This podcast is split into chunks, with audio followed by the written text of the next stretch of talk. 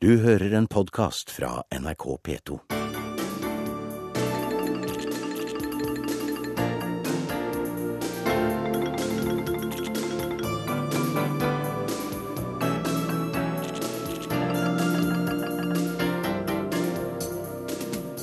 Blir det krig, eller er det bare tomme trusler? Spenninga stiger på den koreanske halvøya.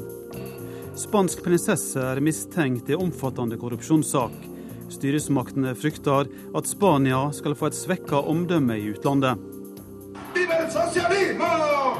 ¡Viva el padre de la patria! ¡Que viva la juventud! Hvem skal ta over etter Hugo Chávez? Om ei veke skal Venezuela velge hans etterfølger. Ny bok om Willy Brandt. Vi skal gå i fotsporene til den tyske forbundskansleren i Oslo, og møte den norske dattera hans. For meg så var han jo alltid Willy Brandt. Altså, For jeg hadde jo alltid hett Ninja Fram, og min mor het jo da Carlotta Fram.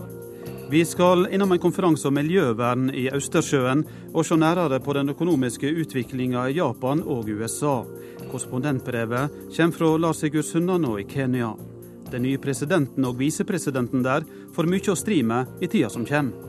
Begge kan ha en mildt sagt kjelkete rettsprosess foran seg i sommer, siden den internasjonale straffedomstolen i Haag i Nederland har tiltalt dem for forbrytelse mot menneskeheten.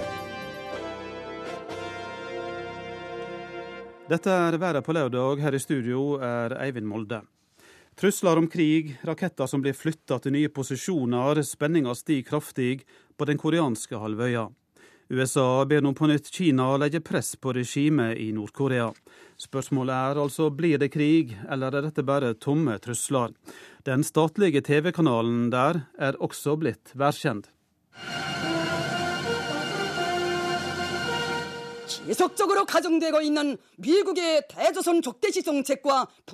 Det har falt harde ord før, og retorikken på nordkoreansk TV er ikke blitt mildere under landets nye leder.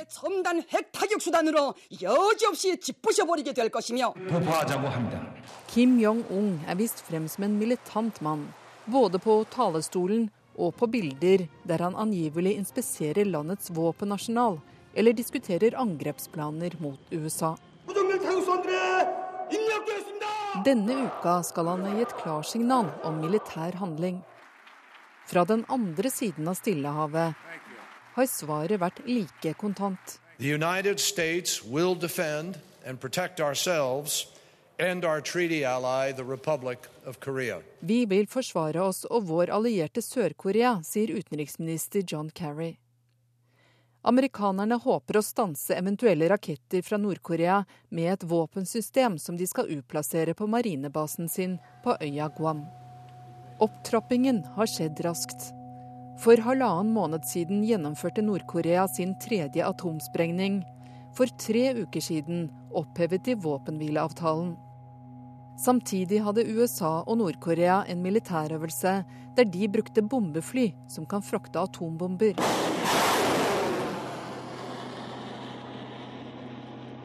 Nord-Korea svarte med å true med krig.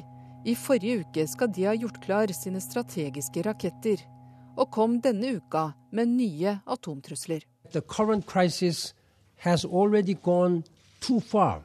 Nuclear threats are not a game. Atomtrusler er ikke noen lek, det har gått for langt, mener FNs generalsekretær Ban Ki-moon.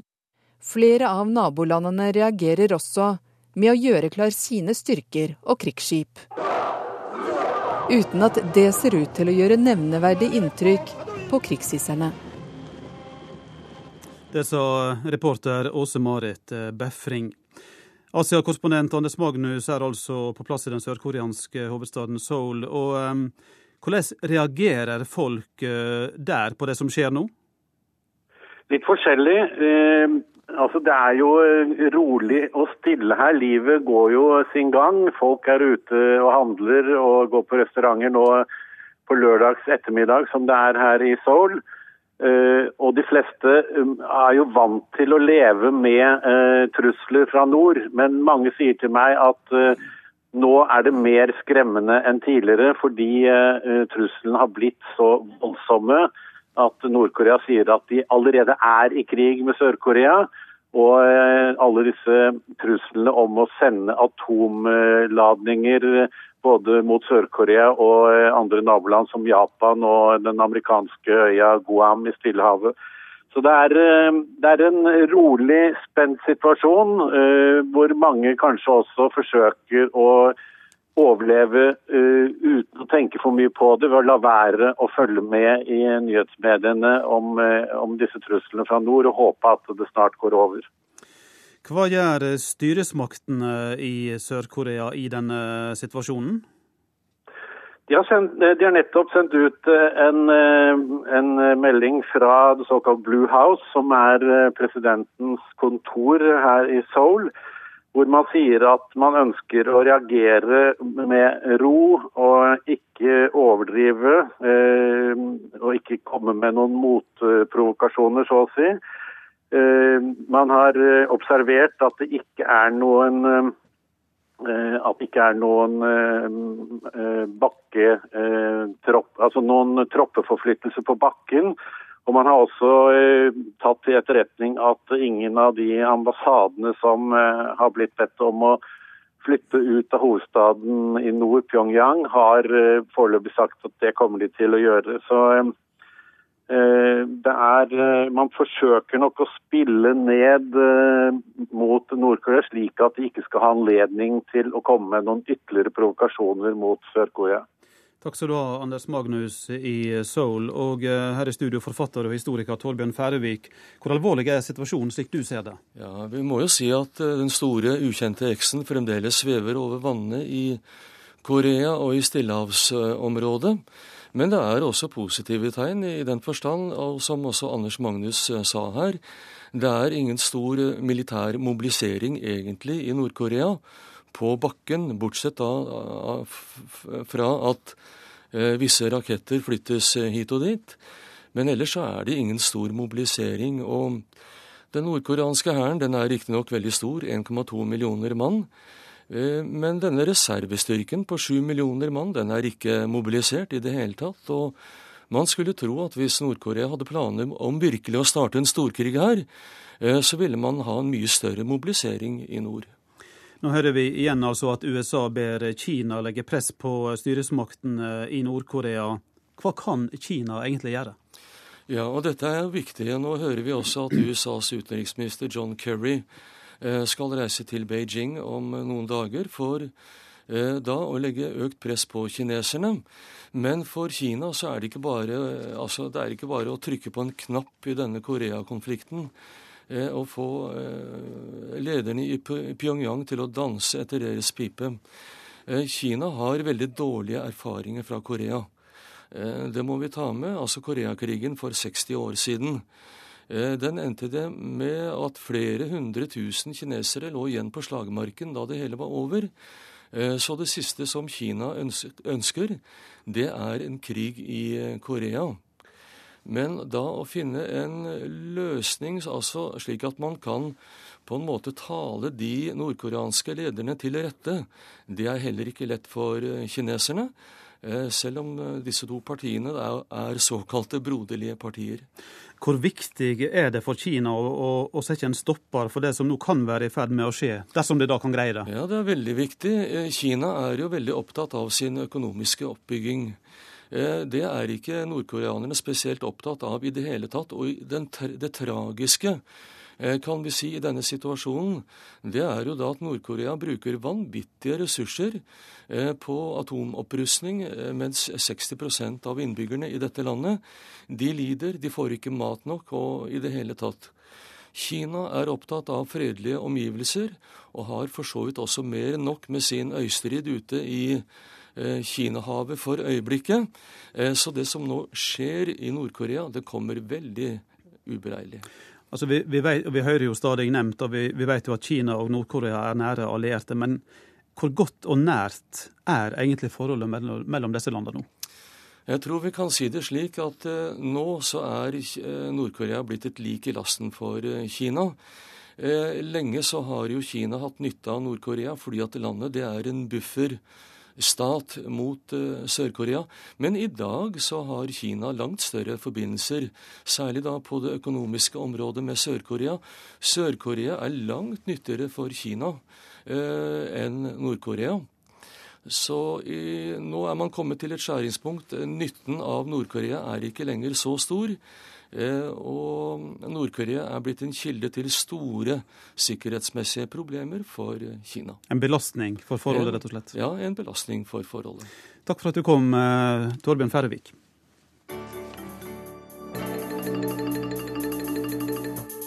Spania nå, der styresmaktene er uroa for landets omdømme. Og det etter at ei spansk prinsesse er trukket direkte inn i ei straffesak. Denne saka uroer oss enormt, sier utenriksministeren i landet. Prinsesse Christina av Spania er mistenkt for å ha deltatt i ei omfattende korrupsjonssak og må forklare seg for retten. Det er kongens svigersønn Inyaki Urdangarin som står i sentrum for korrupsjonsskandalen. Spanske medier har i månedsvis fulgt saken mot den tidligere håndballstjernen, som er tiltalt for underslag av flere millioner euro fra en veldedig organisasjon han var leder for. Denne uken har statsadvokaten besluttet at også Ordan Garins kone, prinsesse Christina, er mistenkt i saken, og må nå møte i retten i slutten av denne måneden. Folk jeg møter på gata her i Malaga, er opprørt.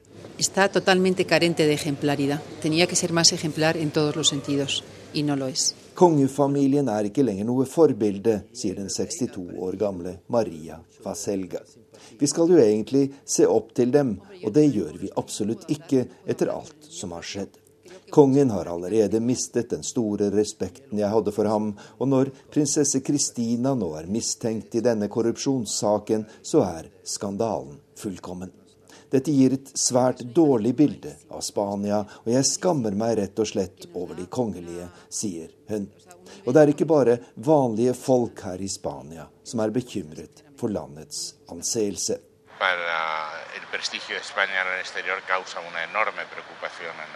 Vi er enormt bekymret for Spanias prestisje i utlandet, sier utenriksminister José Manuel Margallo etter at det ble kjent at kongens datter er mistenkt for et kriminelt forhold.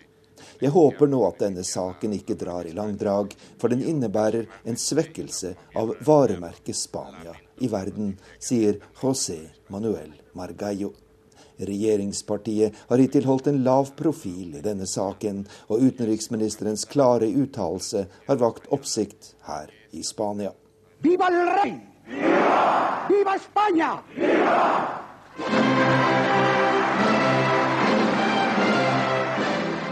Det spanske kongehuset er det største og mest prestisjetunge på det europeiske fastlandet, og den 22. november 1975 startet et nytt og ærerikt kapittel. Da ble Juan Carlos av Borbón tatt i ed som Spanias konge etter diktatoren Francisco Francos død, og den unge kongen stilte seg i spissen for en forbløffende politisk og økonomisk utvikling som brakte landet inn blant de fremste i Europa og gjorde ham selv til folkekonge. Men de siste par årene har vært en stygg nedtur for kongen. Un elefante Juan Carlos mataba en la sabana africana. Trofaste rojalister trodde knapt sine egne øyne og ører da det i fjor vår ble kjent at kong Juan Carlos midt i Spanias dype økonomiske krise hadde dratt på en luksussafari til Botswana i Afrika for å skyte elefanter.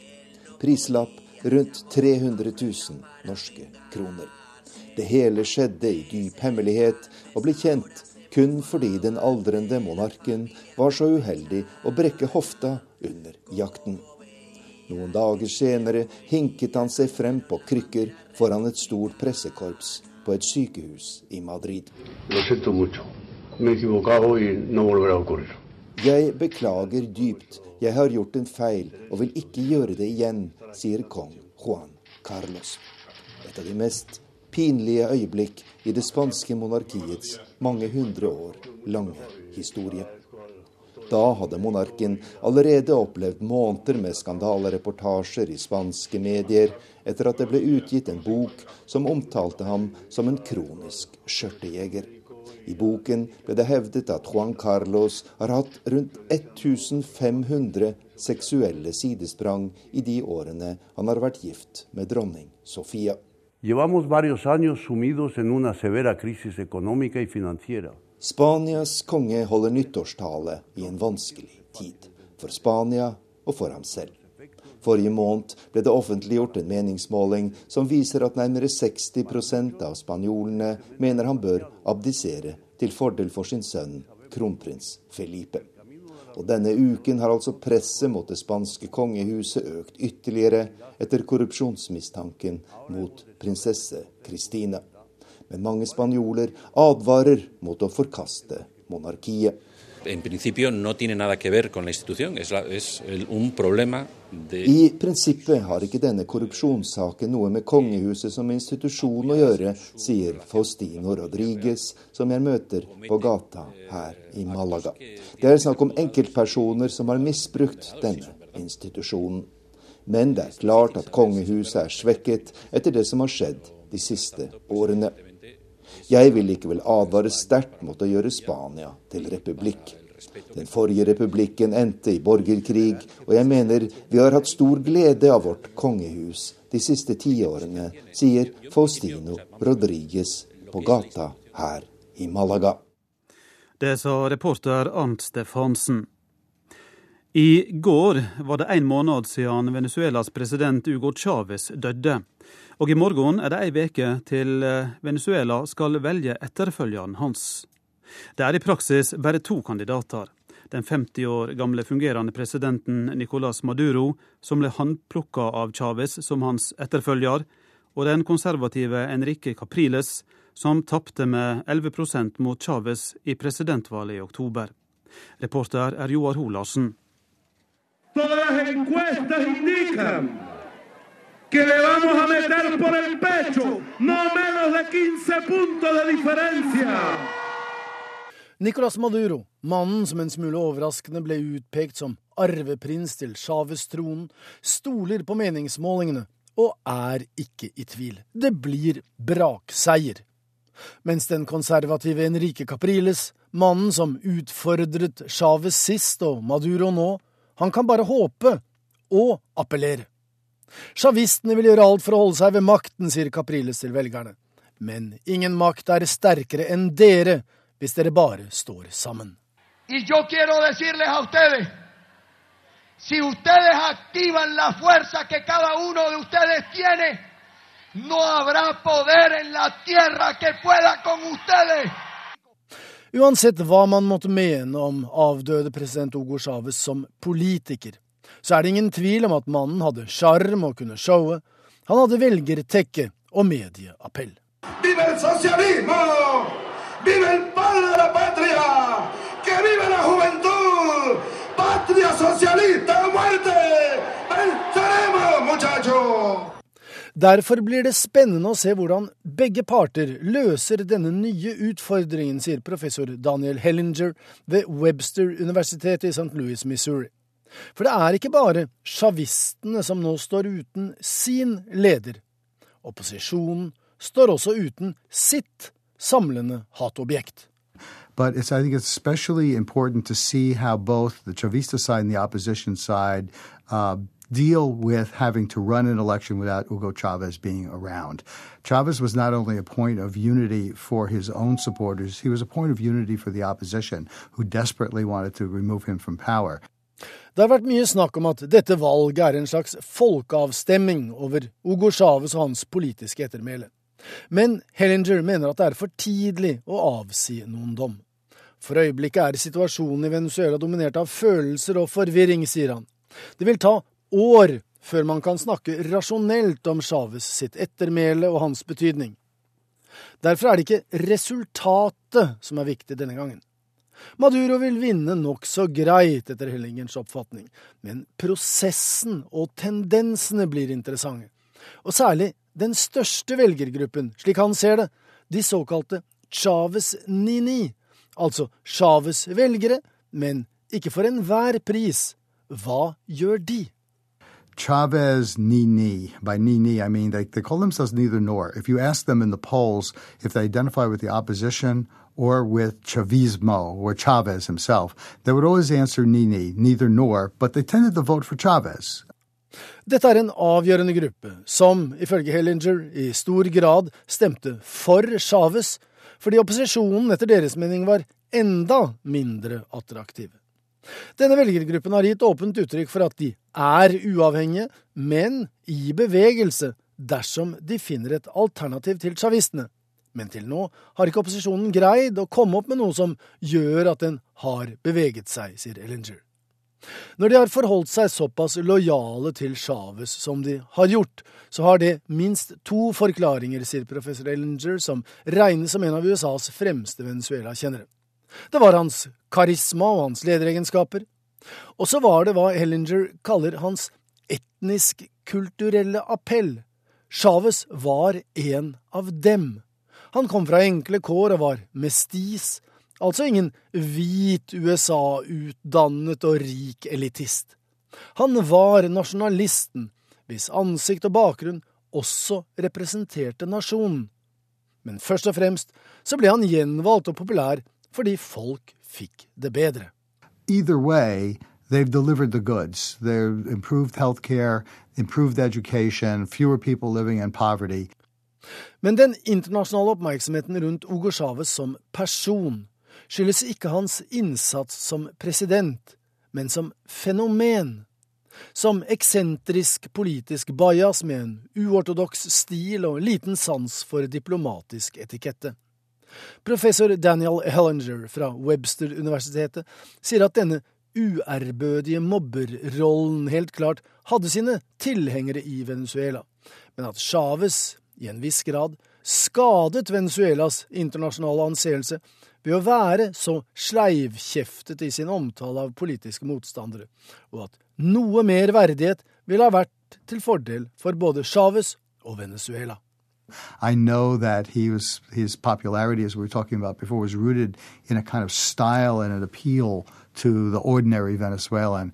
But I think he would have been better served on the inter- international stage and in public opinion in general had he comported himself a little bit with a little bit more dignity in those occasions. Jan Egeland, direktør i Human Rights Watch Europe. Du kjenner Venezuela og Latin-Amerika godt, eh, ikke minst fra tida som FN-diplomat. Det blir vel vanskelig å fylle Chávez sine sko? Ja, det blir uh, umulig. Og jeg tror ikke Maduro engang ønsker eller tror han skal fylle de, de skoene. Eh, på mange måter altså var, var Chávez en revolusjonær, på godt og vondt. Han gjorde mye for å løfte opp fattige i dette enormt klassedelte samfunnet opp til sosial vel velferd. Men han drev jo òg en helt uh, forferdelig ensretting av det landet. Så, før var det da en liten elite som hadde dominert, og så ble det plutselig han og hans parti som tok kontroll over nærmest alt. Uh, nyhetsmediene, Høyesterett, rettsvesenet. ja, det hele. Hva type leder er det Venezuela nå har bruk for? Ja, nå har man vel bruk for en brubygger eh, mellom de eh, altså liberale og utdannede delene av landet og eh, breie lag av eh, fattigfolk som har følt at de for første gang faktisk har, har det dryppet også på dem av den enorme oljerikdommen. Eh, man kan ikke fortsette mener jeg, med en, eh, med en så autoritær og uberegnelig og, og Eh, fiendtlig til menneskerettighetene leder som Chávez var. Men man kan heller ikke gå tilbake til den tida hvor en liten elite eh, satt og bestemte det meste og kontrollerte nesten all rikdom i dette fantastisk oljerike, men også eh, skogrike. Det, det, det, er et fantastisk land, eh, Venezuela. Det, det kan vel bli utfordrende å bygge de bruene som må bygges? Ja, veldig. For bitterheten er jo enorm. Eh, og det er veldig uforsonlige grupper i begge disse to koalisjonene. Så på, på høyresiden under Capriles er det jo mange av den gamle eliten som, som, som nesten alle tar avstand fra. Eh, sterkt høyorientert. Eh, alltid veldig for det USA som i sin tid var meget imperialistisk i Latin-Amerika. På den andre siden eh, chavister som er, er altså ganske ekstremistiske, og som f.eks. Har, har drevet gjennom en utenrikspolitikk hvor Venezuela i dag er den beste forsvarer for Assads eh, eh regime i Syria, for Nord-Korea, som dere nettopp snakket om, eh, for Iran osv. Nå har vi jo snakka litt om, om eh, utfordringene eh, innenriks i, i, landet, men hva rolle tror du at eh, Venezuela kommer til å spille i Latin-Amerika og i verden med en ny leder etter Chávez? Ja, det, det, kommer jo også an på hvem det blir. Sannsynligvis blir det Maduro, og det betyr at man får på mange måter en forlengelse av det som har, vært, men med en mer moderat tone, tror jeg. Eh, blant annet vil utenrikspolitikken eh, altså Det er ikke i Venezuelas interesse å være med i, i, på lag med verdens fem verste diktatorer, f.eks. Jeg tror ikke heller nødvendigvis at de vil støtte enhver form for eh, eh, radikale eksperimenter i, i, andre land heller.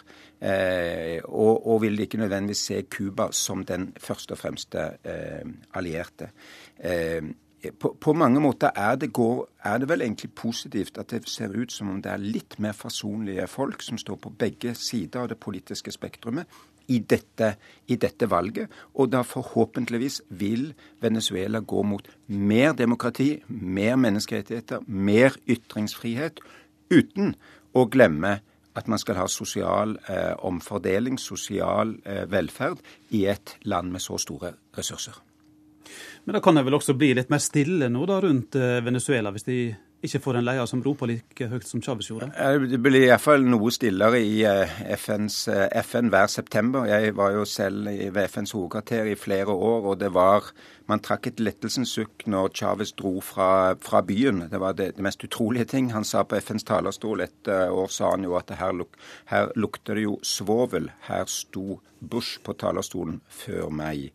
Ehm, jeg tror det blir altså rolig, litt roligere.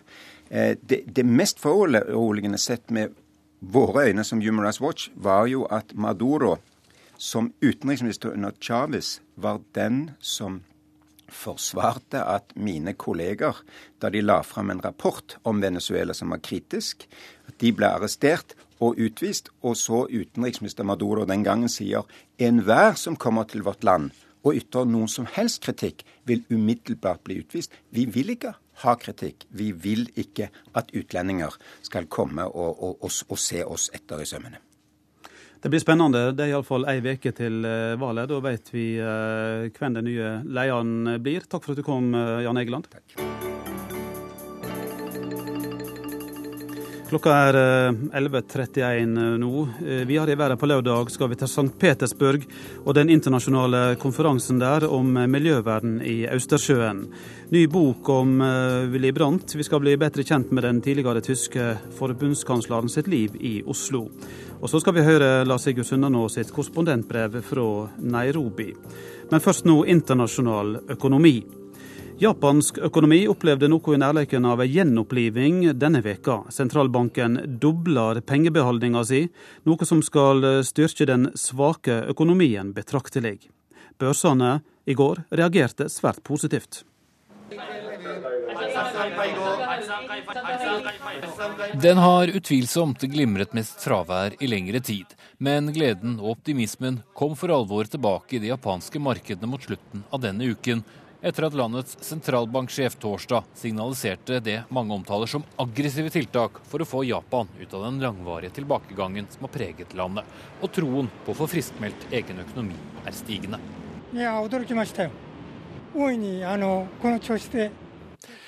Jeg er overrasket, sier denne mannen. Jeg blir svært glad dersom næringslivet tar seg opp slik det ser ut nå. På det beste klatret Nikkei-indeksen i Tokyo i går med over 4% til det høyeste nivået på over fire og et halvt år. Det var også andre tegn på at troen på den japanske økonomien var tilbake. For selve handelen nådde rekordhøye nivåer. Da markedene stengte i går morges norsk tid, hadde nærmere 6,5 milliarder aksjer skiftet eier. Det er det største volumet siden børsen åpnet i 1949. Målet er å få opp inflasjonen til 2% de neste årene. Det er mye å ta igjen. Det sa reporter Espen Aas. Her i studio er fondsforvalter i Storebrand, Olav Chen. Vi kan vel trygt si at det var frisk handel på Tokyo-børsen i går. og Hvor spesielt er egentlig det som skjer nå historisk? Det er ganske spesielt med tanke på utviklingen i Japan. Men vi har sett at USA bl.a. har gjort tilsvarende tiltak når det gjelder sentralbanktiltak. Nå går helt klart den japanske sentralbanken med ny sentralbanksjef i bresjen med nye tiltak som ligner den amerikanske sentralbanken med pengetrykking. Vi har ikke sett så store, store summer når det gjelder pengetrykking med selvpressen tidligere. Og det her bidrar bl.a. til å svekke japanske yen. Og når den svekker japanske yen, så bidrar det til å hjelpe den japanske eksportsektoren. Hva effekt har utviklinga i Japan for regionen? Det har ganske stor eh, påvirkning for resten av regionen. For det første så er jo Japan den nest største økonomien i Asia. Men når Japan her også går i bresjen i valutakrigen eh, med å svekke yenen, så går det faktisk på bekostning av andre eksporterende eh, nasjoner. valutakrig er jo per definisjon et nullsumspill. Så når Japan svekker sin valuta, ja, så gjør det japanske varer billigere. Men det gjør at f.eks. taiwanske eller sørkoreanske varer blir dyrere relativt sett. Så de landene der lider på mange måter, som vi også ser på børsutviklingen i de landene. Vi hørte om optimisme her. Hva ser du for deg framover i Japan? Nei, Jeg ser jo at Japan fortsatt sliter med lange strukturelle problemer som demografi. Japan er helt klart det landet som har, er tidligst ute når det gjelder eldrebølgen. slik at arbeidsstokken vil nok krympe fremover uten noe form for innvandring. slik at økonomien vil på mange måter fortsatt slite. Og Det er jo derfor også sentralbanken nå trykker penger, for å få fart i økonomi. Dessuten har også den japanske staten en av de høyeste statsgjeldsandelene i verden. Så dette her er også for å lette finansieringskostnaden for den japanske staten.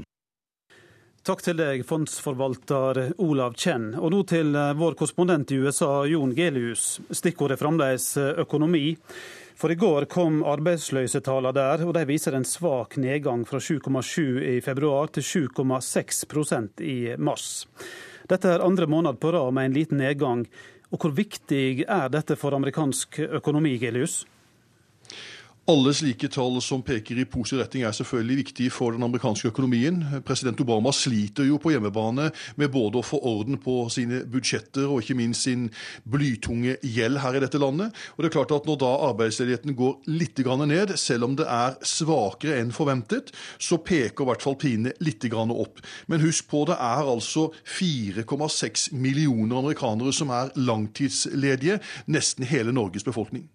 Ja, for Dette er vel også, som du sa, svært viktig for Obama når vi ser på de utfordringene han har på heimebane?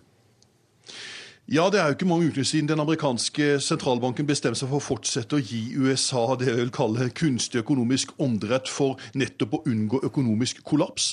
Og Hver måned framover vil jo fortsatt sentralbanken sprøyte inn rundt 500 milliarder norske kroner i den amerikanske økonomien som et slags statlig sikkerhetsnett. Og det er klart at Når sentralbanken i sitt siste møte verken endret renten eller sine tiltakspakker foreløpig, så betyr det også at det er ikke noe full fart framover for amerikansk økonomi. I dag er altså arbeidsløsheten 7,6% de siste tallene som kom i går. Og banken spår at den først i 2015 så vil arbeidsledigheten her i USA falle til rundt 6,5% Altså To måneder på rad nå med, med flere folk i arbeid. Hva må til for at denne utviklinga skal holde fram? Ja, Først og fremst må jo Obama sørge for å få orden i eget økonomisk hus. Og han gjør nye initiativ til uken. Til onsdag så inviterer han flere republikanske senatorer til middag i Det hvite hus for nettopp å diskutere både budsjettet og ikke minst hvordan man skal gyve løs på den enorme gjelda som dette landet drar med seg fra måned til måned. Det er også ventet at Obama da i neste uke presenterer budsjettet for 2014. Og vi vet at det er varslet nye kutt, og det må nye kutt til for at denne økonomien skal komme på fot igjen.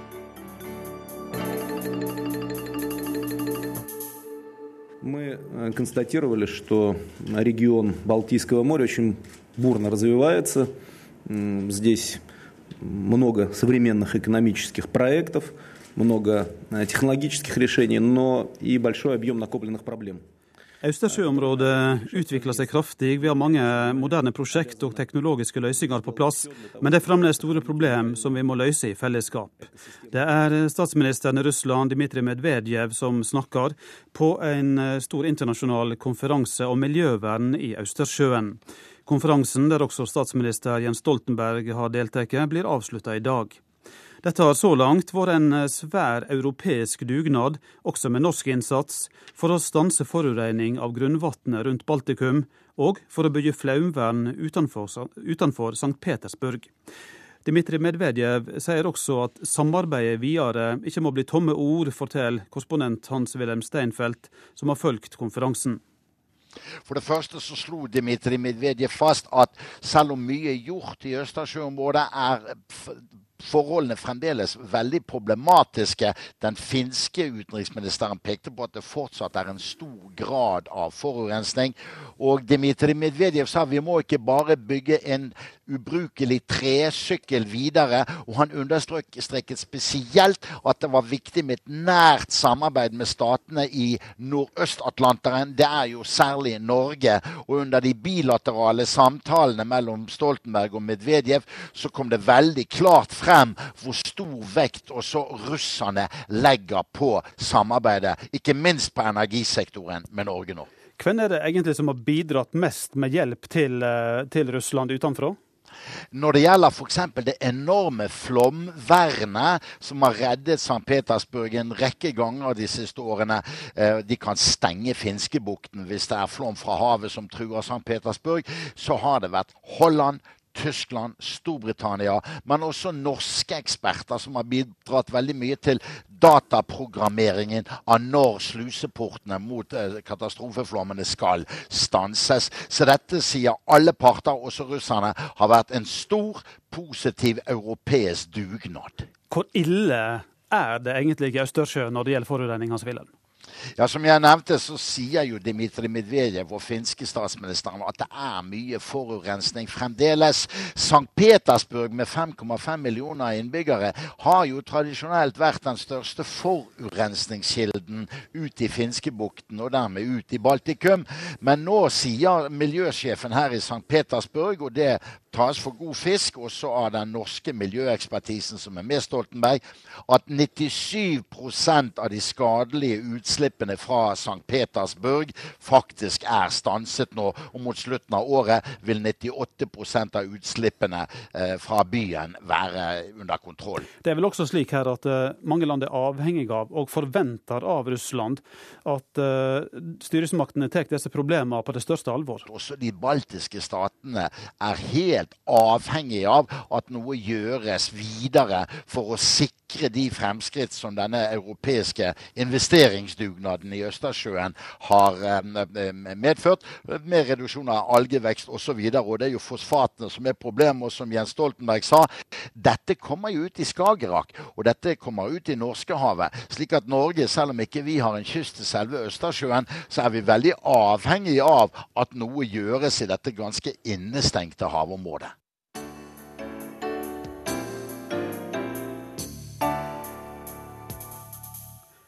I morgen er det 80 år siden den da 19-årige Herbert Fram gikk i land i Oslo fra danskebåten Dronning Maud. Dette skulle bli starten på en politisk karriere som setter tydelige avtrykk både i norsk, tysk og europeisk historie. Bare noen dager senere kom den første artikkelen signert Willy Brandt på trykk i norsk presse.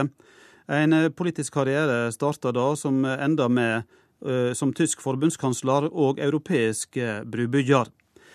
Mandag blir en ny biografi om Willy Brandt lansert på norsk, i samband med at det er 100 år siden han ble født.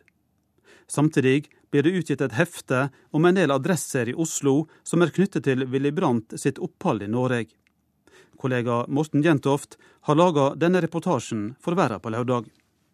Brandt skulle, som det het, formidle erfaringene fra det tyske nederlaget og de erfaringene som det tyske partiet trakk, det var at man måtte føre en revolusjonær politikk. Si Jeg står sammen med Einat Lorentz i bakgården mellom noen eldre boligblokker på Grønland i Oslo og snakker om Willy Brandt. Her i Hollendergaten 2 var det mannen som opprinnelig het Herbert Fram bodde under deler av sitt opphold i den norske hovedstaden fra 1933 til 1940 sammen med sin tyske kjæreste Gertrud Maier. Ingen kjenner bedre til Willy Brandts liv i Norge enn Einar Lorentz, tysk historiker som har tilbrakt store deler av sitt voksne liv i Norge, og som nå har skrevet et lite hefte som gjør det mulig å følge Willy Brandts norske liv fra adresse til adresse. Han flyttet ganske raskt inn eh, her hvor vi står nå, eh, Hollendergaten 2. Eh, hvorfor flyttet han akkurat hit? Ja, Det var vel mer tilfeldig. Altså, han, han, var så heldig at han ble kjent med Dagbladet-redaktør Skavlans datter på reisen til Oslo. Så han bodde først i familie Skavlan 10-14 dager. Han hadde allerede da et godt drag på damer? Ja, det, det sånt vil jeg ikke si det, men, men unge mennesker skal snakke med hverandre. Altså den gang. Og uh, så hadde han en del uh, ulike adresser. Han bodde på Bjølsen, han, uh, han bodde også i Huitfeldtsgata noen kort tid. Han bodde i et hybelhus i Pilestredet. Men, men, her i Hollendergata, det var den første leiligheten som, som han og ungdomsvenninnen fra Lübeck, Gertrud Meyer, hadde. At han jo da som 19-åring, han var jo da han arbeidet jo veldig politisk, ikke sant? Og, og, og var selvfølgelig til en viss grad Ninja Fram er Willy Brandts norske datter. Etter at Gertrud Maier forsvant ut av Willy Brandts liv, ble han sammen med Carlotta Torkelsen. Og resultatet ble altså Ninja, født i 1940. Hun ble værende i Norge etter at Willy Brandt etter annen verdenskrig dro tilbake til sitt opprinnelige hjemland og startet sin tyske politiske karriere, som etter hvert gjorde ham til utenriksminister og forbundskansler. Altså, altså, Han fortalte ikke, eller jeg spurte ikke så mye om den tiden. Den var, var fjernt for meg som er født i 1940.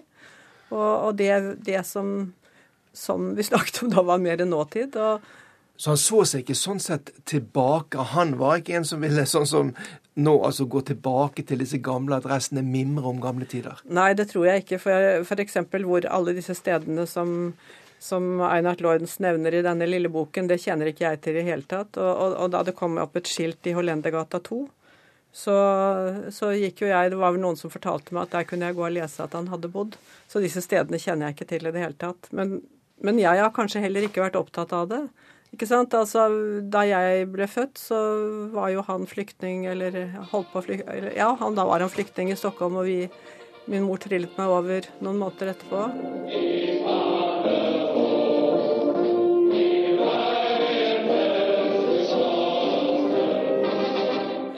Herbert Fram, den senere Willy Brandt, hadde dratt fra hjembyen Lübeck i Tyskland bare noen måneder etter at nazistene og Adolf Hitler hadde tatt makten. Han var medlem av det tyske sosialistiske arbeiderparti, et lite parti i en fra før splittet tysk arbeiderbevegelse. Men et parti som hadde forbindelser med det store norske Arbeiderpartiet. I 1933 var det fremdeles de borgerlige som styrte Norge. Og sammen med at mange nordmenn, ikke minst innenfor politiet og i det militære, var velvillig innstilt til Hitler og nazismen, gjorde det at Herbert Fram, alias Willy Brandt, ikke ble møtt med åpne armer, forteller Einar Lorentz. Altså han, han, ble eh, interessant både for det, tyske, eh, for det norske politiet, men også for, for, tysk etterretning. For de lusket etter han, eh, og, og det hendte at folk ble bortført. Var hans liv i fare noen gang eh, under opphold i Norge? Nei, ikke, ikke, under opphold i Norge, det kan man ikke si. Altså, hans liv var i fare da han eh, med falsk identitet som eh, norsk student Gunnar Gåsland oppholdt seg i Berlin høsten 1936. Willy Brandt var et politisk dyr som drev med politikk nesten 24 timer i døgnet store deler av sitt liv. Og som også valgte å bruke sitt politiske dekknavn Willy Brandt som sitt riktige navn, også etter at han igjen ble tysk statsborger etter annen verdenskrig. Og dette var helt naturlig, mener hans datter Ninja, som har valgt å beholde farens opprinnelige familienavn. For meg så var han jo alltid Willy Brandt. Men jeg husker at han en gang når jeg var ganske jeg er nesten voksen, at han lurte på om jeg hadde lyst til å skifte navn. Altså, Hva sa du da? Til, til Nei, da syns jeg det var så fjernt. Altså, For jeg hadde jo alltid hett Ninja Fram, og min mor het jo da Carlotta Fram, og hun levde og Når han valgte Tyskland og dro tilbake og bestemte seg for å Han hadde jo norsk statsborgerskap, og, og ta tilbake sitt tyske statsborgerskap og bli i Tyskland og være med å bygge opp Tyskland, så tror jeg ikke han hadde noe spalting der at han egentlig var norsk. Her eh, hvor vi står nå, eh, Einat Låren, så er det jo en liten minneplate som forteller at eh, Willy Brandt bodde nettopp i dette huset her. Nå snakkes det også om at han skal få en egen gate eller plass også her i Oslo. Fortjener han det etter din mening? Har Willy Brandt en så sterk tilknytning til Oslo at han bør markeres på denne måten? Ja, så Etter min mening har han det absolutt, og jeg har tidligere også foreslått det med en gate. Han, han er jo en av våre nobelpristakere, det skal man, skal man ikke, ikke, glemme. Han var nå norsk, norsk, statsborger. Nå er det en slags, en slags renessanse nå da i forbindelse med 100-årsmarkeringen for hans fødsel, altså for interessen for Willy Brandt. Han får sitt eget eh, museum på under den Linden. En flyplass blir oppkalt etter han. Hvordan opplever du som hans datter dette, denne, denne renessansen, denne økte anerkjennelsen som han nå får? Nei, eh, jeg syns jo alt dette er hyggelig, men jeg har kanskje ikke opplevd at han ikke har hatt anerkjennelse. Igjen så er det det at jeg bor i Norge, er norsk, har bare opplevd beundring i forhold til han fra, fra nordmenn, ikke sant, og gjennom hele min oppvekst, og har vel ikke da visst, altså eller ordentlig kanskje skjønt hvilken, ja, hvilken motstand han periodevis kan ha hatt i Tyskland. Men, men det er klart at, at f.eks. dette dette Willy Brandt-senter på Unter der Linden, som jo var en utstilling som ble flyttet fra Rathaus Schönberg og fikk en, en veldig moderne versjon, det syns jeg er et veldig spennende senter. Ikke bare fordi jeg er hans datter, men for det forteller så mye om Tysklands historie. Og det er jo lagt opp sånn at det er jo ikke noe kretsing om han nødvendigvis bare som person. Jeg er stolt når du ser dette. Ja, ja det er jeg. det er jeg. Så er det korrespondentbrevet denne veka. I Kenya er det klart for innsetting av Uhuru Kenyatta som ny president på tirsdag.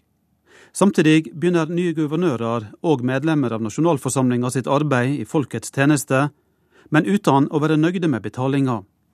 Korrespondentbrevet kommer fra Lars Sigurd Sundano i Nairobi.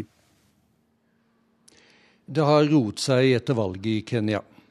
For en uke siden avgjorde de seks dommerne i Høyesterett at presidentvalget 4.3 hadde gått rett og riktig for seg. Uhuru Kenyatta, sønn av denne østafrikanske nasjons landsfader og første president Jomo Kenyatta, hadde vunnet, og statsminister Raila Odinga tapt tautrekkingen mellom de to om landets høyeste embete. Selve valget gikk fredelig for seg, og rettsavgjørelsen som ga Uhuru Kenyatta det endelige seierstempelet, utløste ikke omfattende opptøyer. Det ble ikke, som mange hadde fryktet, en gjentagelse av den blodige volden som krevde mer enn 1200 menneskeliv, og som drev hundretusener fra hjemmene sine sist det var presidentvalg for fem år siden. Kommende tirsdag skal Kenyatta tas i ed med stor pomp og prakt et idrettsstadion i en av Nairobis forsteder, Kasarani. Så melder hverdagen seg for den nye presidenten og hans visepresident William Ruto. Begge kan ha en mildt sagt kjelkete rettsprosess foran seg i sommer, siden den internasjonale straffedomstolen i Haag i Nederland har tiltalt dem for forbrytelse mot menneskeheten under den blodige valgvolden for fem år siden. Ifølge tiltalene skal de ha organisert og finansiert de væpnede bandene som gjennomførte alle drapene, voldtektene og de rene etniske rensningene i deler av Kenya i januar og februar 2008, da landet var på randen av full borgerkrig.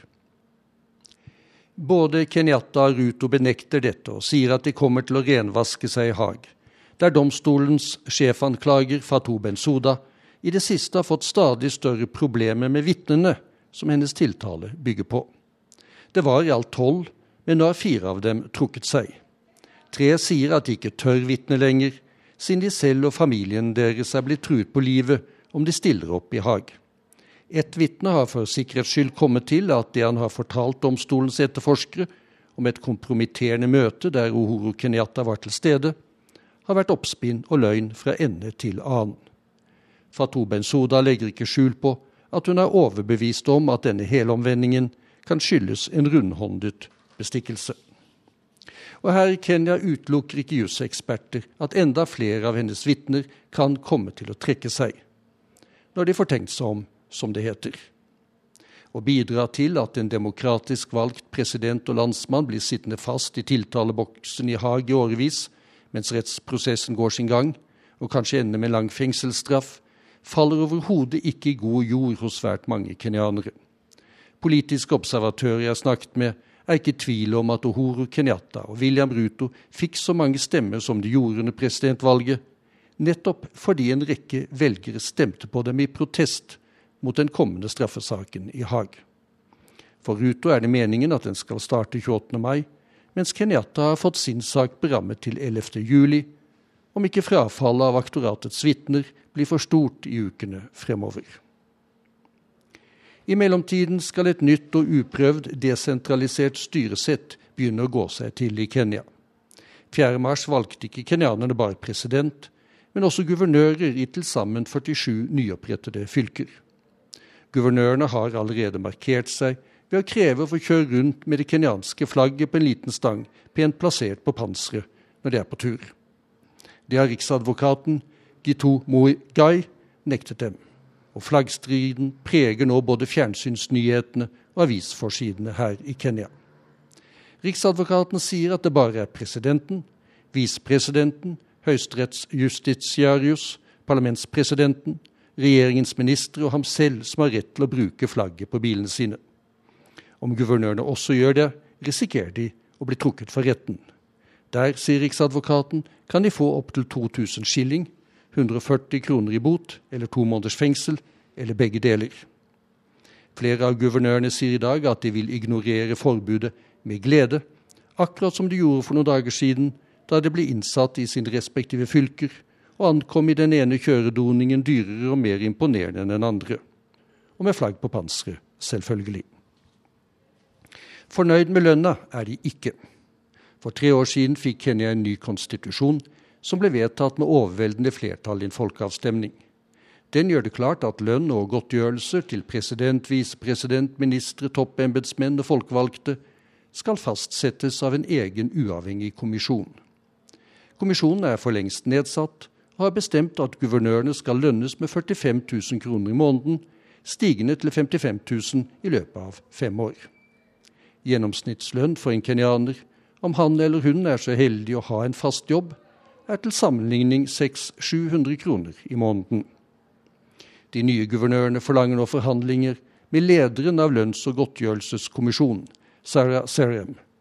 De hadde ventet seg 75 000 kroner i måneden, ikke 45 000, som er et uverdig nivå, sier de.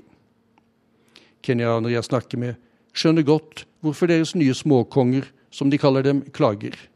Det er ikke billig å bli valgt til slike kremjobber.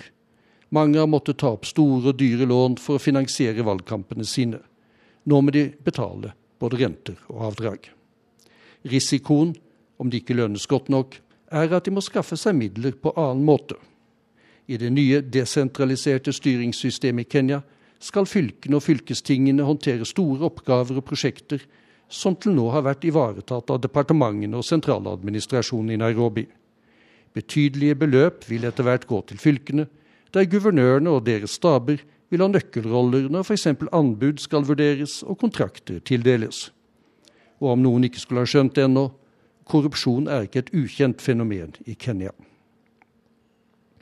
Sarah Serems og lønns- og godtgjørelseskommisjonens problem er at Ohoro Kenyatta og hans nye regjering overtar en så godt som bunnskrapt statskasse når han er tatt i ed på tirsdag. Og det er ikke bare guvernørene som hyler og skriker etter at de har fått vite hva kommisjonen mener deres samfunnsgagnlige innsats i de kommende fem årene skal verdsettes til. Det murrer skikkelig blant 349 parlamentsmedlemmer også. Mens de folkevalgte i den forrige nasjonalforsamlingen nøt godt av til dels skattefrie månedslønner på opp mot 60 000 kroner, er det nå snakk om rundt 35 000 kroner som det må skattes av. De nye folkevalgte har også oppdaget at lønns- og godtgjørelseskommisjonen ikke lenger vil gi dem 225 000 kroner i støtte til å kjøpe ny bil avgiftsfritt, men at den i stedet åpner for at de får et dobbelt så stort lån med 3% rente og tilbakebetaling over fem år, om de ønsker å skaffe seg et kjøretøy på normalt vis. På toppen av det hele setter kommisjonen et tak på møtegodtgjørelsene deres. Tidligere gjaldt å holde så mange møter som mulig med 5000 skilling, 350 kroner, i godtgjørelse per stykk. Nå begrenses betalingen til fire møter per uke. Også det en alvorlig skuffelse i parlamentskorridorene. Men Kenyas folkevalgte er neppe rådville. Den forrige nasjonalforsamlingen klarte raskt og effektivt å kvitte seg med lederen for landets etikk- og antikorrupsjonskommisjon, Patrick Lumumba, da det begynte å bli for nærgående. Det samme kan komme til å skje med Sarah Serem og kommisjonen hennes. Det jobbes allerede med lovendring som vil gjøre det mulig. Så styrestell har unektelig sine sider her i Kenya, ikke minst lokalt. Også i Raila Odingas hjemby, der det var demonstrasjoner med tap av menneskeliv da Høyesterett utropte Uhuru Kenyatta som vinner av presidentvalget, må det nå skaffes kontorer til den nyvalgte guvernøren og hans stab.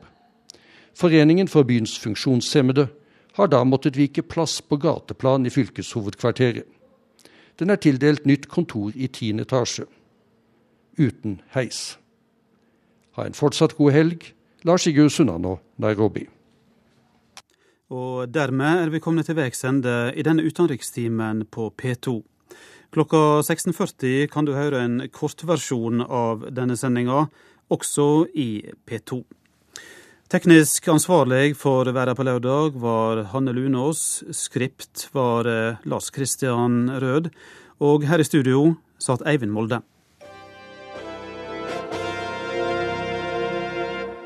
Du har hørt en podkast fra NRK P2.